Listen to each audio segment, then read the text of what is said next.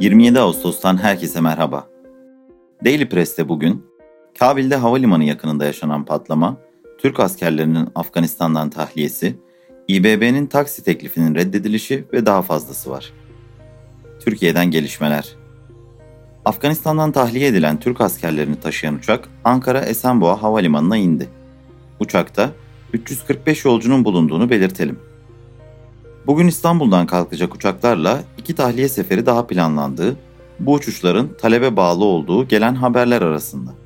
Milli Savunma Bakanı Hulusi Akar, Türk askerlerinin Afganistan'dan tahliyesine başlandığını belirterek, intikal faaliyetlerini en kısa zamanda tamamlamayı hedefliyoruz demişti. İstanbul'da bin yeni taksi olarak güncellenen teklif 11'e karşı 16 oyla reddedildi. İstanbul Büyükşehir Belediyesi Sözcüsü Murat Ongun, daha önce AKP ve MHP meclis üyelerinin oylarıyla 7 kez reddedilen teklifin bugün bir kez daha reddedildiğini Twitter'dan duyurdu. İBB yönetiminin sorunu çözmek için getirdiği 5000 yeni taksi teklifi daha önce 7 kez Ulaşım Koordinasyon Merkezi toplantısında AK Parti ve MHP oylarıyla reddedilmişti.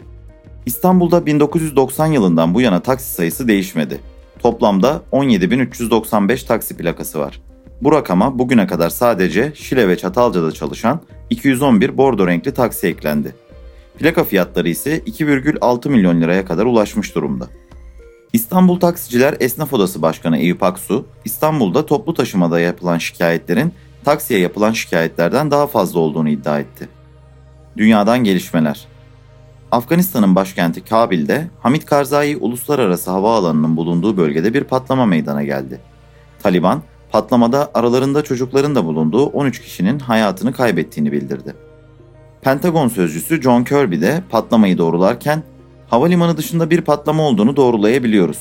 Kayıplar şu ana kadar net değil. Ayrıntıları mümkün olduğunda paylaşacağız dedi. Milli Savunma Bakanlığı'nın Twitter hesabından yapılan açıklamada da Kabil havaalanı dışında iki patlama olmuştur. Birliğimizde herhangi bir hasar zayiat yoktur denildi.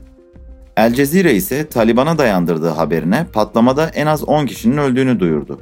Taliban patlamada aralarında çocukların da bulunduğu 13 kişinin hayatını kaybettiğini, çok sayıda Taliban üyesinin de yaralandığını bildirdi. Rusya'da devlete bağlı silah ihracatı şirketi Rozoboron Export'un başkanı Alexander Mikheyev, Taliban'ın Afganistan'ın tamamında kontrolü ele geçirmesinin ardından komşu Orta Asya ülkelerinden sınır koruma sistemlerini kapsayan silah siparişleri aldıklarını söyledi. Moskova'nın sözcüsü Dimitri Peskov, Moskova'nın Taliban'a karşı nasıl bir pozisyon alacağı konusunda henüz bir karar vermediğini ve önce gelişmeleri gözlemlemek istediğini söyledi. Peskov, önce Taliban'ın Afgan halkına ve Rus diplomatlara nasıl muamele edeceğini görmek istediklerini vurguladı.